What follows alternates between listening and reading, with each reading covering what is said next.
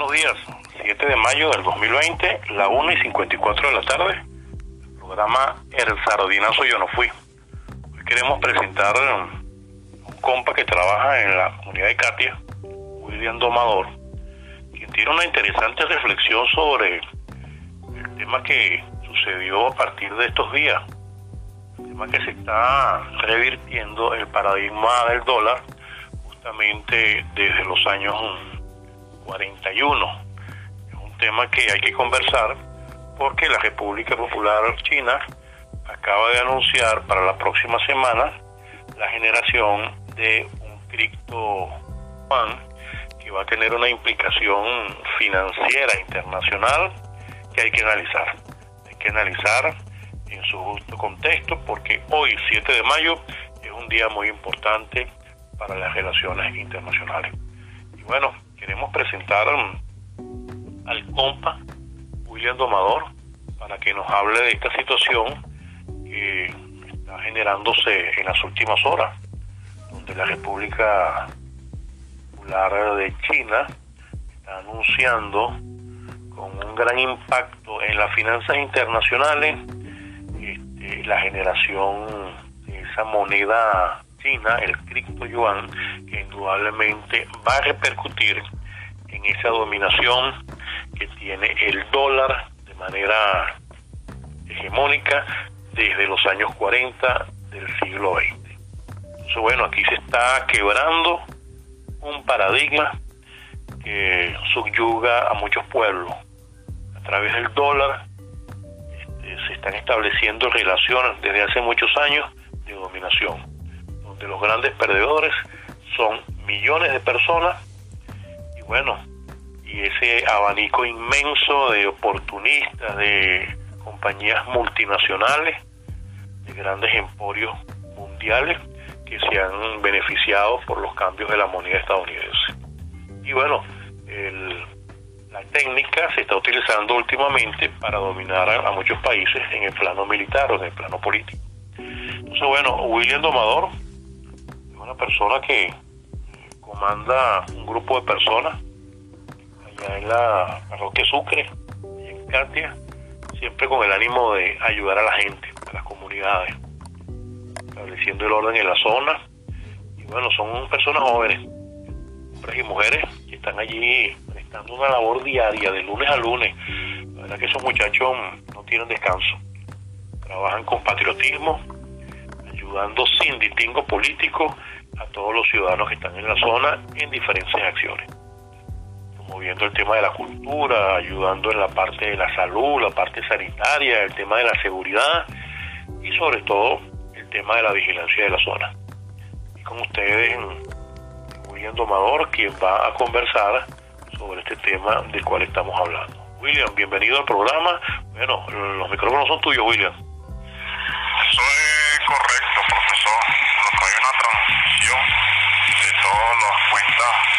de la mayoría industria que manejan el mundo de alimentación, energética, mecánica, industrial, todas las grandes compañías. Y a su vez le siguen las compañías pequeñas hasta llegar al último eslabón que son las cadenas alimenticias o las franquicias alimenticias.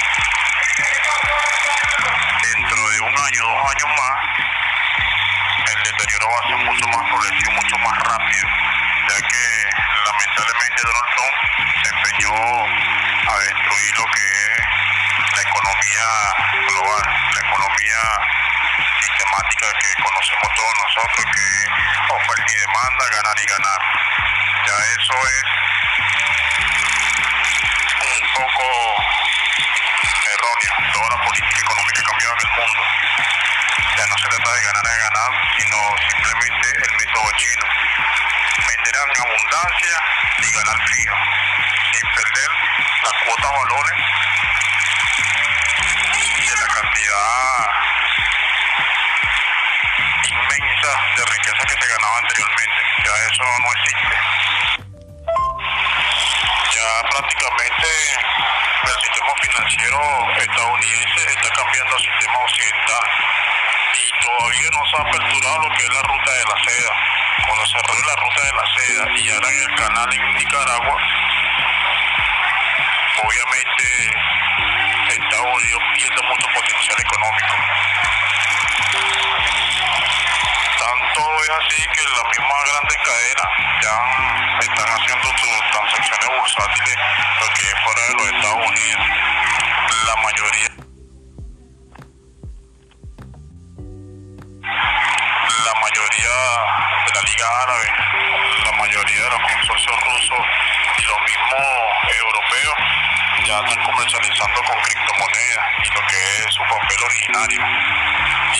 obviamente eso viene pasando como que Estados Unidos se apoderó del mundo con toda su industria armamentista, con la industria destilera, la industria mecánica.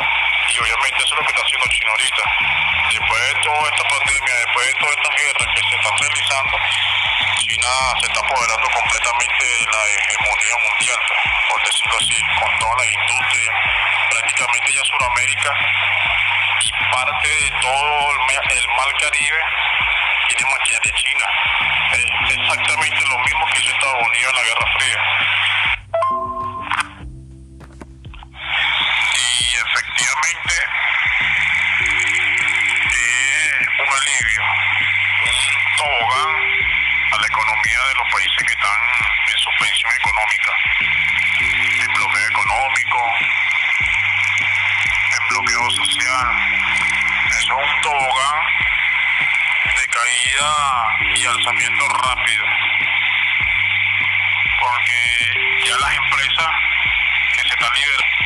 economía estadounidense, eh, muchos lo han afectado y muchos son dueños, los mismos norteamericanos, y se le ha visto bastante afectado por el tema de las sanciones, porque la mayoría de los estadounidenses tienen empresas mineras de explotación de petróleo, de explotación de minerales, de explotación de hidrocarburos, de comida toda Sudamérica. Y lamentablemente ellos mismos se están lanzando la soga al cuello y ya se han dado de cuenta. Y se han visto que muchas empresas originariamente que están en Estados Unidos están cambiando por fábricas en Sudamérica y en la misma Europa y en la misma China.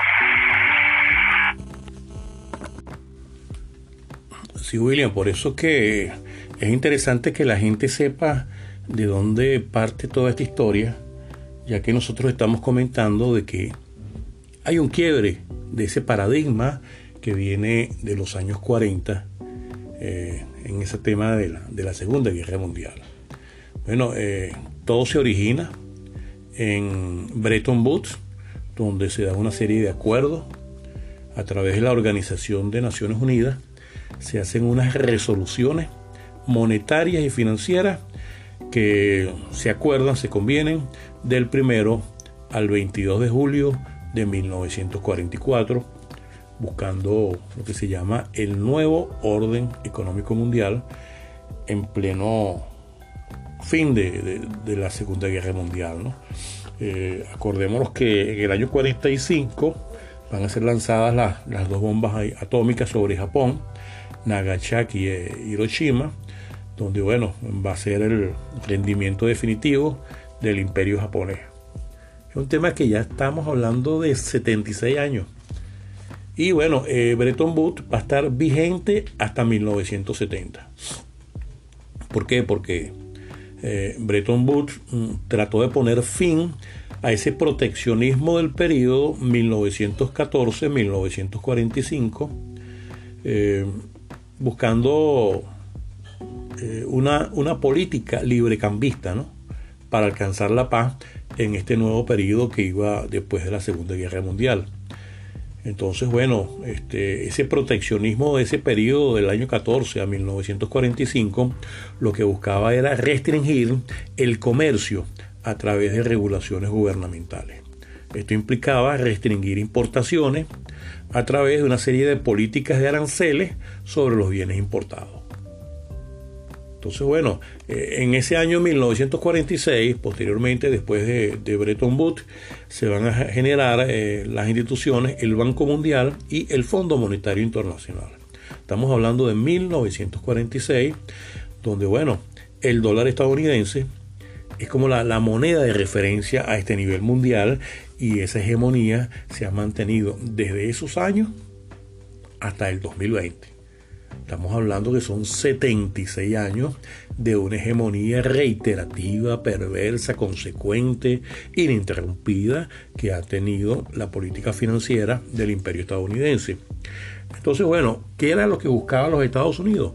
Estaban en posición de ganar más que cualquier otro país con la liberalización del comercio mundial. De eso se, trataba. A través del acceso de grandes mercados donde se compraran o se vendieran bienes esenciales. Es decir, un plan coherente con el plan Marshall de la época eh, para la reconstrucción de países. Acordémonos que mucho antes de Bretton Woods, el presidente norteamericano Roosevelt con Winston Churchill fueron los precursores de, esos acuerdos de Bretton Woods, porque entre Estados Unidos y el Reino Unido eh, estaban como penetrando los mercados que estaban cerrados por los conflictos bélicos mundiales. Ellos trataban a través de esos acuerdos entre ellos mismos, financieros, de las políticas internacionales del comercio, de generar la incidencia sobre esos mercados para ganar más dinero a través de una geopolítica internacional de, de capital, de, de, generar más dinero. Pues y en el fondo ellos querían evitar supuestamente el descalabro económico, pero siempre con las grandes ventajas para los países imperialistas. Bretton Woods va a llegar a su fin técnico durante la guerra de Vietnam. Estados Unidos imprimía y enviaba al exterior miles de millones de dólares estadounidenses para financiar la guerra. En este sentido, bueno, en el gobierno de Nixon, eh, 1970, 1971, Estados Unidos tuvo un déficit comercial enorme, monstruoso. Entonces Europa empezó a cambiar dólares sobrevalorados por marcos alemanes y oro. Y eh, Francia y el Reino Unido demandaron a los Estados Unidos la conversión de dólares en oro. Y bueno, esto ocasionó eh, la terminación de esos acuerdos de Bretton Woods de una manera como escondida porque la supremacía del dólar se siguió manteniendo de 1971 hasta la época actual, que ya lo vamos a comentar actualmente. Por cierto que las reservas de, de oro se depositan de manera ingenua este, en una base militar estadounidense que se llama Fort Knox. Ahí se deposita el, el, oro, ¿no? Ahí se deposita el oro no solamente de los Estados Unidos, sino de varios este, este, países. Bueno, ya lo vamos a aclarar en breve momento. Mientras tanto, tenemos que decir que Nixon, Richard Nixon, instauró un shock económico para impedir conversiones del dólar al oro y lo devaluó. Esto hizo que las exportaciones estadounidenses fuesen más baratas. Una estrategia comercial política y esto aliviaba el desequilibrio comercial a favor de los Estados Unidos. En este sentido, el presidente Nixon en el año 71 impuso un arancel del 10% sobre las importaciones. Entonces, bueno, este, es importante eh, comentar que las principales potencias económicas comenzaron a abandonar el patrón oro por un sistema cambiario fluctuante que se ha mantenido durante mucho tiempo. Es importante mencionar que en esa oportunidad Bretton Woods fue firmada por 44 países y tenemos que hacer la referencia porque la gente tiene que saber cómo se hizo ese tipo de convenios a nivel internacional para los años 40. ¿Quiénes firmaron Bretton Woods? Australia, Bélgica, Bolivia, Brasil, Canadá. Chile, China, Colombia, Costa Rica, Cuba, Checoslovaquia, República Dominicana, Ecuador, Egipto, El Salvador, Etiopía, Francia, Grecia, Guatemala, Haití, Honduras, Islandia, India, Irán, Irak, Liberia, Luxemburgo, México, Países Bajos, Nueva Zelanda, Nicaragua, Noruega, Panamá, Perú, Filipinas, Polonia, Sudáfrica, la Unión Soviética, los Estados Unidos, Uruguay, Venezuela, Yugoslavia, Paraguay y el Reino Unido. Son 44 países que aprobaron eh, el tema de Bretton Woods en los años 40. Es importante que en esa búsqueda del nuevo orden económico internacional, este, ahí se fundó en el dominio del dólar, a pesar de lo de 1971 con Richard Nixon. Esa política financiera internacional se ha mantenido al menos hasta inicio de 2020. Son 76 años de un paradigma de dominación muy intenso en las relaciones internacionales. Y eso es lo que se está quebrando en estos momentos con ese ofrecimiento de que China va a lanzar su criptomoneda, el cripto yuan, donde va a establecer una nueva hegemonía. ¿Qué pasa? Que nosotros los países desde América Latina y el mundo tenemos que estar muy pendientes porque tampoco podemos cambiar un imperialismo por otro y tenemos que siempre defender nuestros derechos de países soberanos, defensa de la soberanía. Para terminar, tenemos que recordar que en esa ciudad de, o en esa fortaleza militar, para decirlo de una manera, de Fort Knox, que es una base militar estadounidense del ejército eh, que, está en Kentucky, son 44 mil hectáreas eso, bueno, ahí está siendo almacenado las reservas de oro de Estados Unidos y de otros países que de manera ingenua eh, caen en esas negociaciones. 83 años donde Samuro cuidando carne. Allí, bueno, hay un entrenamiento militar en tanques M1 Abrams. Las fuerzas militares estadounidenses entrenan eh, la, la guerra de los tanques en esa base militar. Y bueno, el mundo ha confiado su oro a los Estados Unidos de manera muy ingenua. Bueno, con esto queremos terminar el programa de hoy, agradeciéndole a William Domador su intervención y bueno, estar pendiente, estar pendiente porque las cosas están cambiando de manera dramática. No sabemos si a favor o en contra, esperemos que sea a favor, a favor de estos países que han sido subyugados por la dominación del dólar durante muchos años alerta pendiente. Y bueno, cuando son las 2 y 23 de la tarde de hoy 7 de mayo del 2020, el programa El Sardinazo Yo No Fui será hasta un próximo momento. Bueno, ha sido un placer y cuídense mucho con el tema de la pandemia. Sigamos.